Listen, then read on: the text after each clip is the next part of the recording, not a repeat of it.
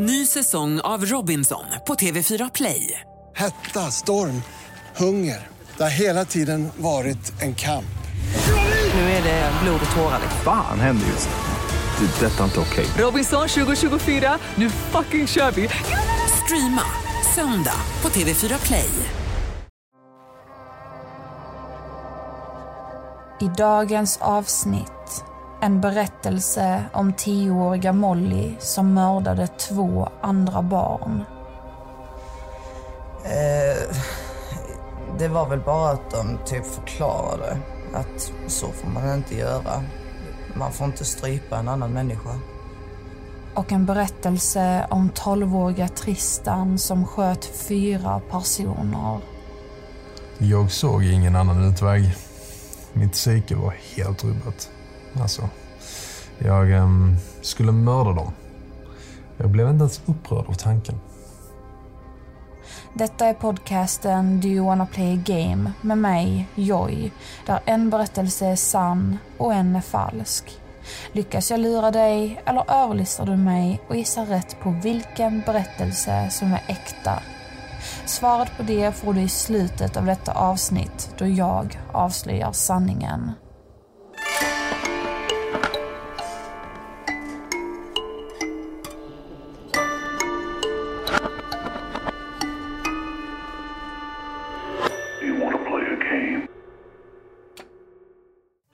I dagens avsnitt som jag har valt att kalla Barn som mördar kommer du få höra två olika berättelser om barn som har mördat.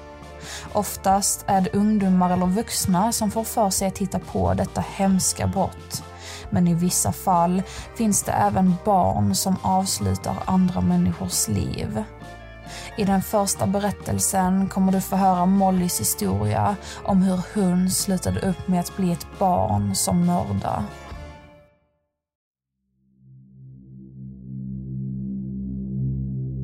En stormig natt föddes en liten flicka som fick namnet Molly.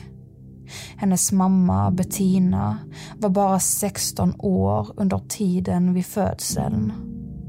Hon hade ingen pojkvän, utan hon hade blivit gravid under en av många engångsligg då hon var prostituerad. Vem som var Mollys pappa, det visste hon alltså inte.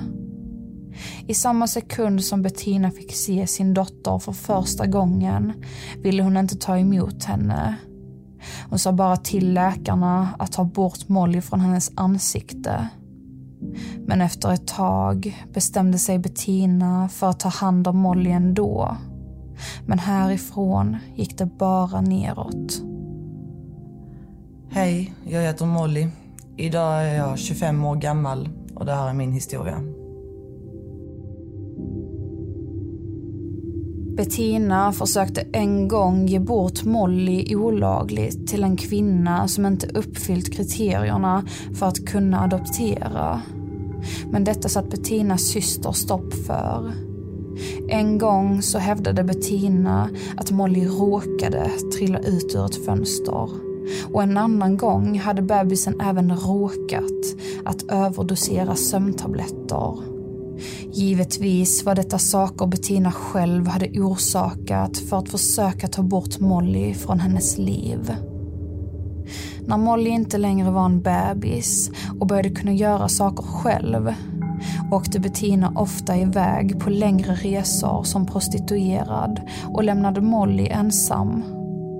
Man kan tänka sig att en treåring inte tycker om att lämnas ensam och helst vill vara med sin förälder. Men för Molly var det en stor lättnad varje gång hennes mamma lämnade hemmet. Då visste hon att ingen skulle misshandla henne, varken fysiskt eller psykiskt.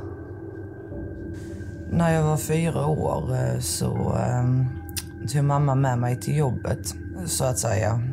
Så jag blev alltså prostituerad som fyraåring. Detta gjorde att Molly inte fick en enda lugn stund längre. När hennes mamma inte misshandlade henne gjorde olika män det istället. Pedofiler som köpte hennes kropp för att göra exakt vad de ville med henne.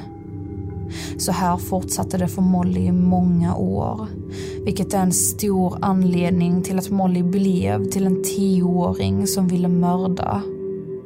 När hon var fem år fick hon även se hennes enda kompis bli påkörd av en buss och dö mitt framför hennes ögon.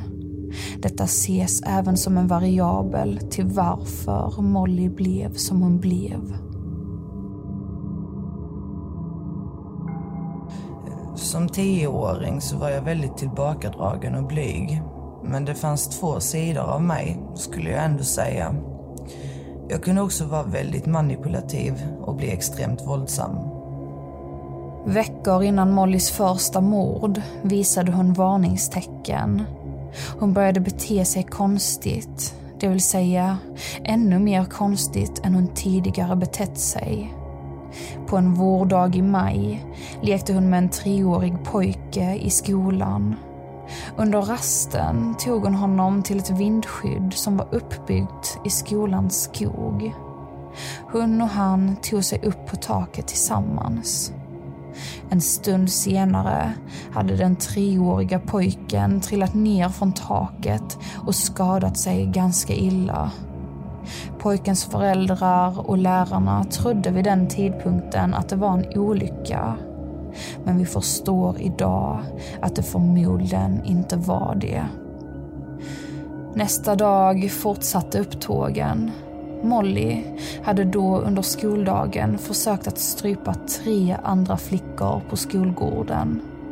Detta berättade flickorna för sina föräldrar och föräldrarna kontaktade både skolan och polisen. Men detta ledde inte till något mer än att Molly fick ta ett allvarligt snack med en lärare. Eh, det var väl bara att de typ förklarade att så får man inte göra. Man får inte strypa en annan människa. Sen, i slutet av maj, skulle Molly göra om samma sak igen. Men denna gången skulle hennes offer inte överleva. Hon hade lockat ut den fyra år gamla Martin till ett övergivet hus i området där han bodde. Till en början var hon snäll mot pojken, men efter ett tag bestämde hon sig för att strypa den lille killen ändan tills han dog. Hon lämnade platsen och mötte upp sin kompis Nova. Sen började de tillsammans vandra tillbaka till platsen.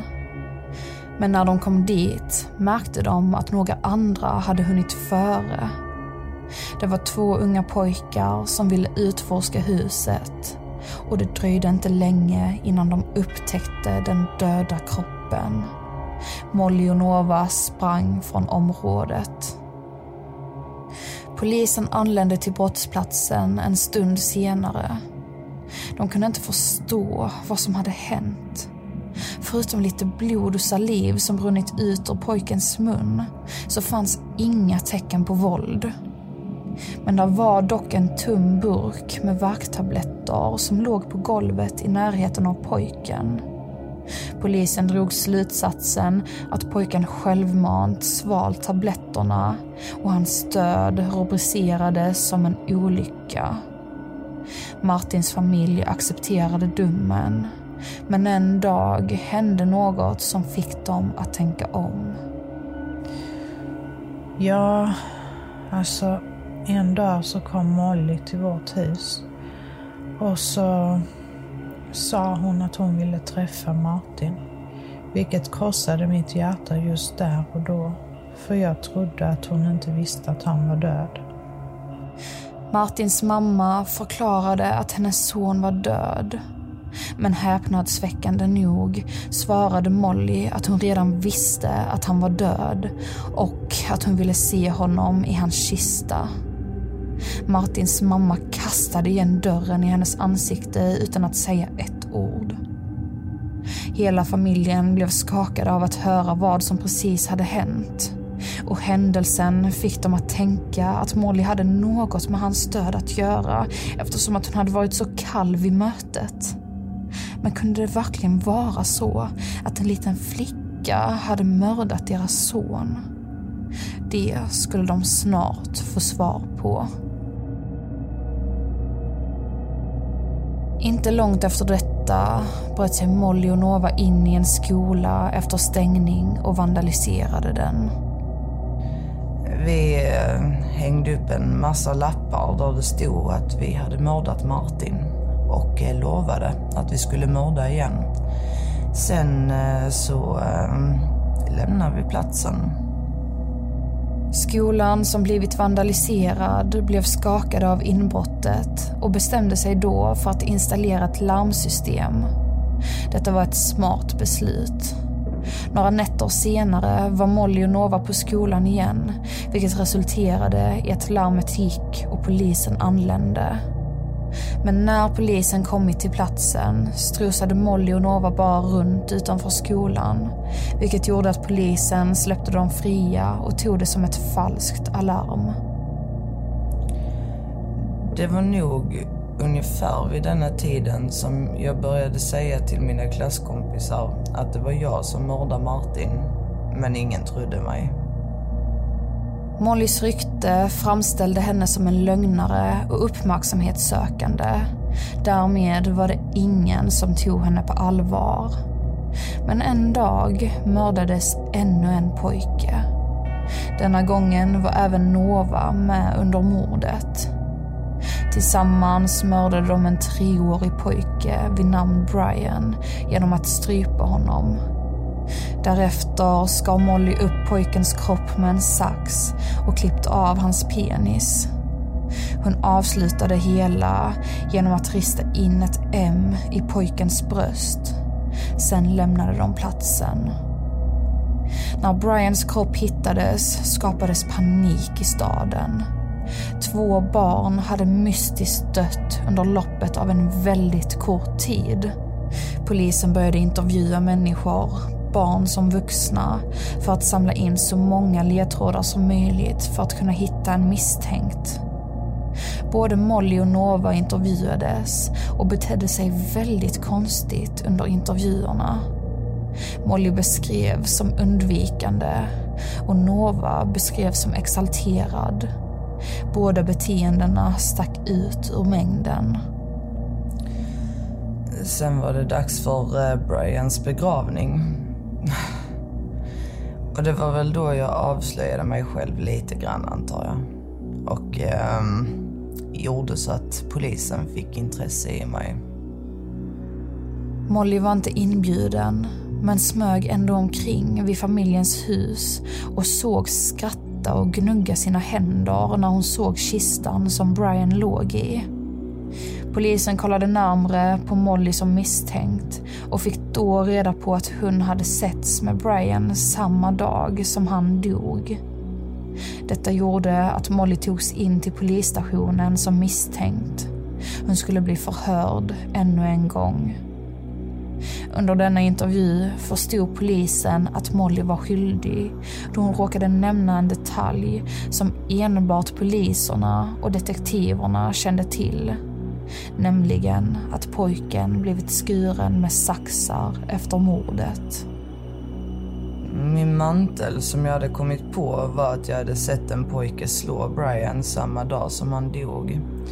Och att den pojken även hade haft saxar på sig. Så eh, det var mitt fall. Nova blev även intagen för fler förhör och snart blev även hon överlistad av polisen. Polisen tog reda på allt Molly gjort och exakt vilka delar Nova hade varit delaktig i. Molly visade många symptom på psykopati och Nova hävdades vara en normal tjej som oturligen nog påverkats av Mollys starka manipulativa sidor. Därmed blev Nova frikänd. Molly ansågs vara ett stort hot för hennes omgivning och skulle därmed bli infängslad.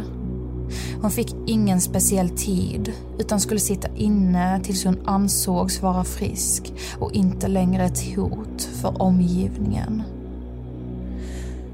Jag satt i fängelse i 12 år. Och eh, här är jag nu svår efter frisläppningen. Jag, eh, jag har lärt mig mycket. Jag ångrar absolut det jag har gjort. Ehm, ja.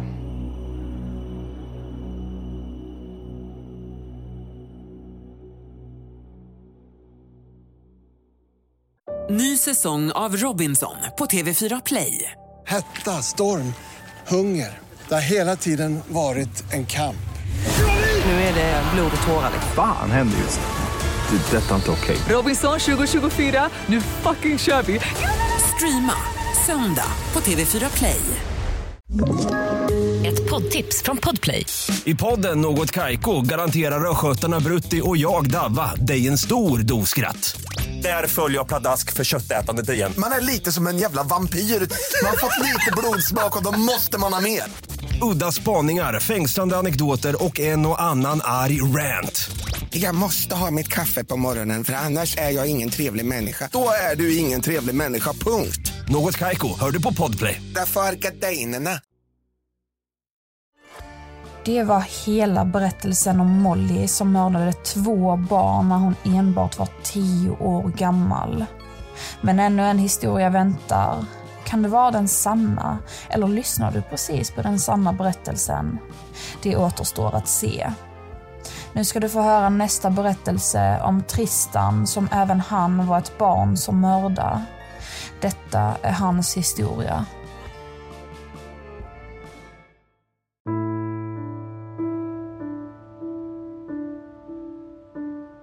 I en liten stad föddes Tristan, en pojke som inte var speciellt välkomnad av hans pappa.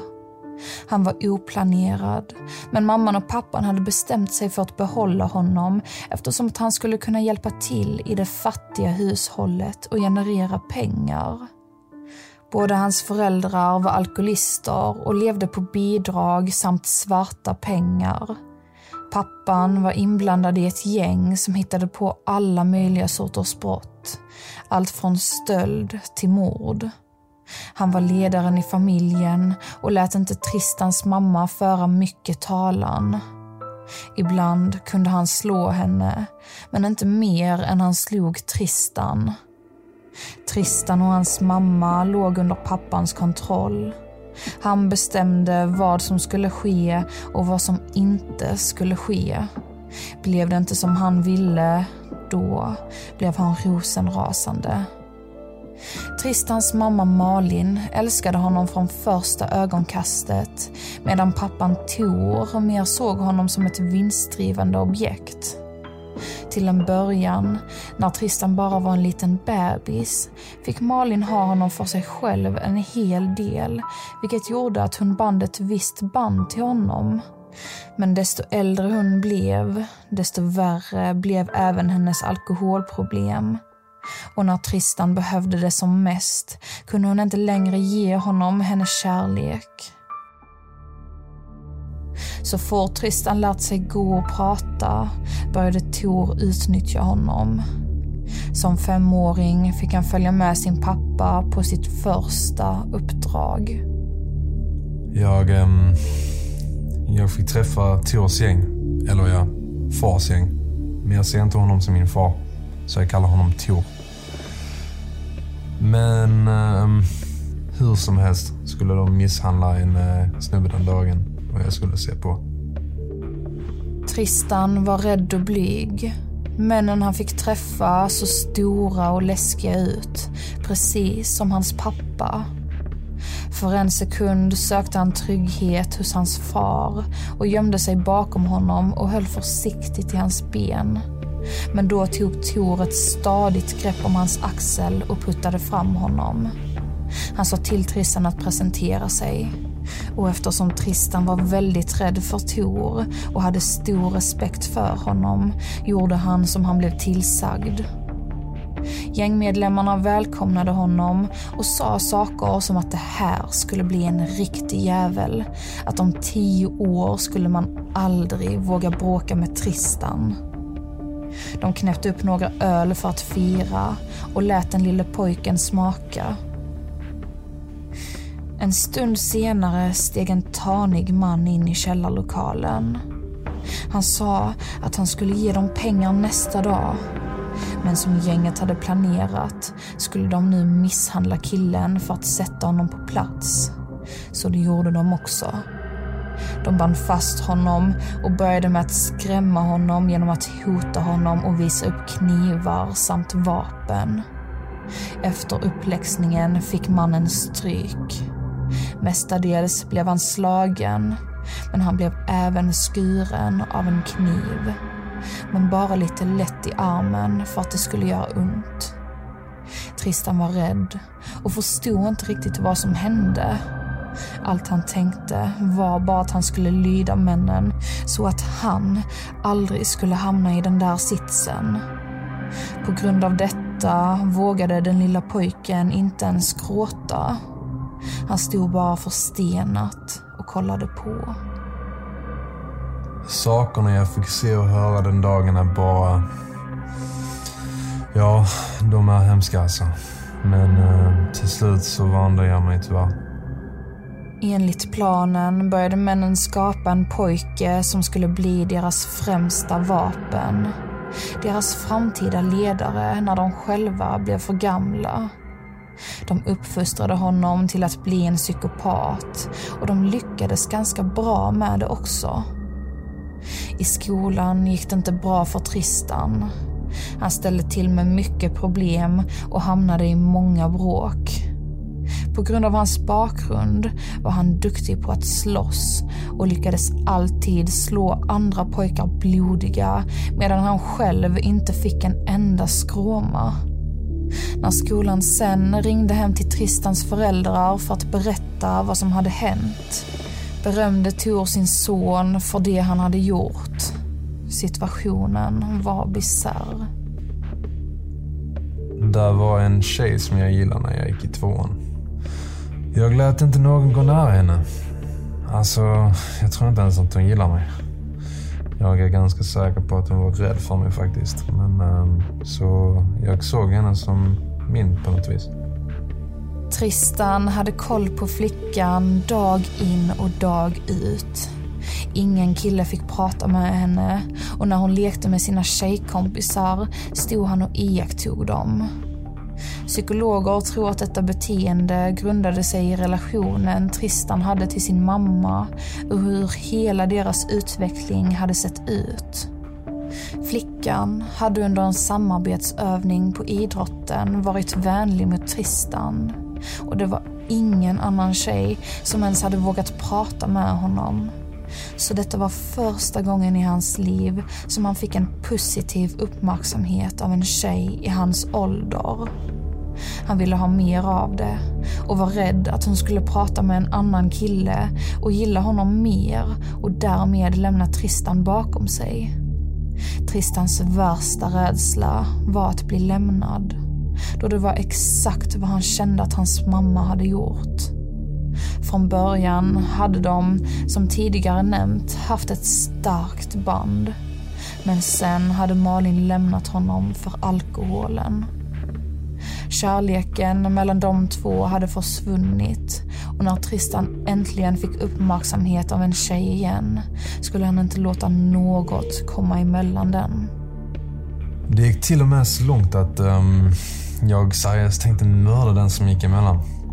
Men det blev aldrig så. Jag slogs mest. Ett år senare var Tristan tvungen att byta skola då hans pappa tvingade honom. Detta var starten på en stor aggression som skulle byggas upp för hans far. Tristan var nu nio år gammal och började hata sin pappa. Men det ville han inte visa. Han höll det för sig själv eftersom han fortfarande var väldigt rädd för honom trots allt. Tiden gick och raseriet inom Tristan bara ökade och ökade. Till slut så visste han inte var han skulle ta vägen. Han hade så mycket ilska inom sig att han höll på att explodera. Han började planera på att göra något som skulle ta stopp på det hela. En plan på att mörda hans far och de starkaste medlemmarna i gänget. Jag såg ingen annan utväg. Mitt psyke var helt rubbat. Alltså, jag eh, skulle mörda dem. Jag blev inte ens upprörd av tanken. Mordet som skulle genomföras var inte spontant. Det var något Tristan planerade in i minsta lilla detalj. Och när han var 12 år gammal var dagen kommen. Under hans tid i gänget hade han lärt sig att använda olika sorters vapen. Han hade även fått en egen pistol. Med detta vapen skulle han döda fyra personer. Hans pappa och de tre farligaste och starkaste medlemmarna i gänget. Detta för att han trodde att gänget skulle ge sig efter honom om han mördade hans far. Så om han mördade ledarna skulle de andra förmodligen låta honom vara som ett tack i utbyte mot att de fick den nya makten. Antagligen hade gängmedlemmarna inte gett sig efter Tristan om han enbart valt att döda hans far eftersom att han var så pass liten. Men det var inte vad Tristan trodde där och då. Och dessutom så kände han sig som om han var mycket äldre än han faktiskt var. På morddagen var Tristan och Tor på väg till ett möte med de tre andra offerna. Innan de kom fram valde Tristan att springa in i en gränd, vilket gjorde att den arga Tor sprang efter. I farten tog Tristan upp sitt vapen som han hade gömt i byxorna och sen vände han sig om och sköt sin far. Han träffade honom i magen, vilket gjorde att han föll till marken. Därefter sköt han honom ännu en gång och försäkrade sig om att han var död. Sen tog han Tors mobil och skrev ett sms till gänget att de skulle gömma alla vapen med mera för att polisen var på väg. Men givetvis så var det inte sanningen. En kvart senare steg Tor in i källarlokalen och sköt alla tre män som var försvarslösa utan deras vapen och knivar.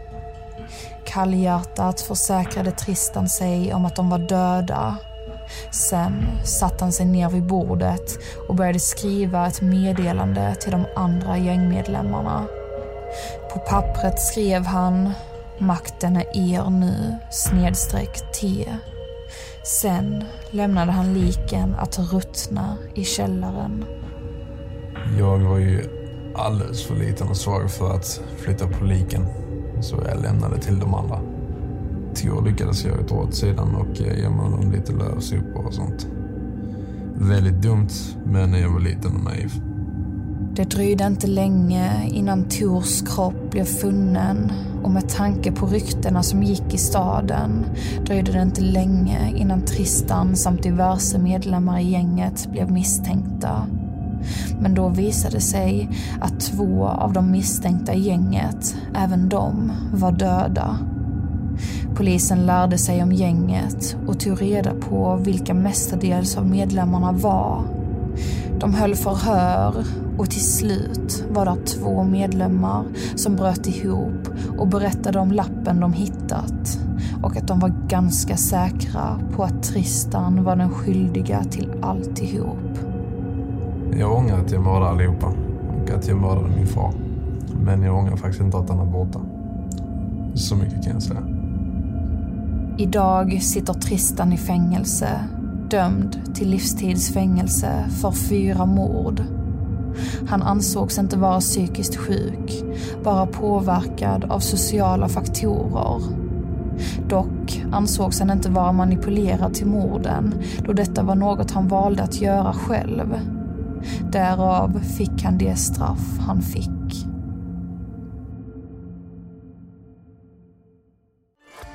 Det var allt för den andra berättelsen. Snart ska vi ta reda på vilken av dessa två berättelser som är den sanna. Men först ska du få en liten repris på vad de handlade om.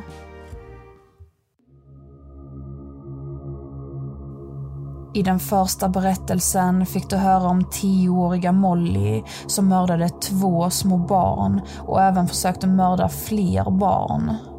Hon var psykopat och fick sitta inne i fängelse tills hon ansågs inte vara en fara för samhället längre. Det slutade upp med att vara 12 år. I den andra berättelsen fick du höra om Tristan som växte upp med sin far som involverade honom i hans kriminella gäng i tidig ålder. Detta gjorde att Tristan lärde sig hemska saker och till slut mördade han sin far och tre andra gängmedlemmar av ren aggression. Han sitter än idag i fängelse. Så, vilken av dessa två berättelser är den sanna? Det ska vi ta reda på nu.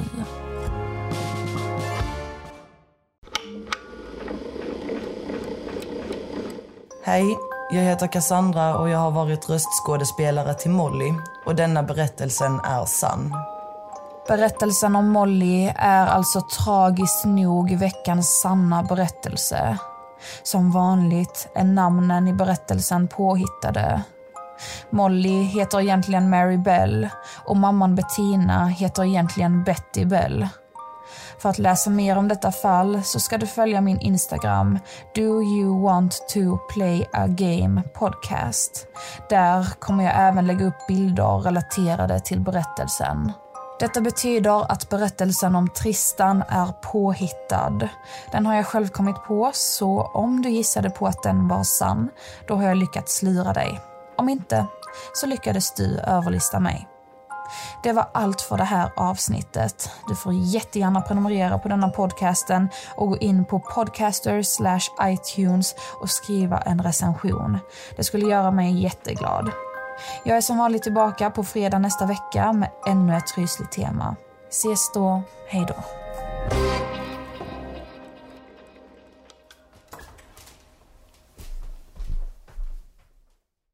Ny säsong av Robinson på TV4 Play.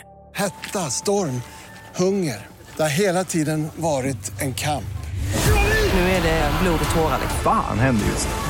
Det. är Detta är inte okej. Robinson 2024, nu fucking kör vi! Streama söndag på TV4 Play.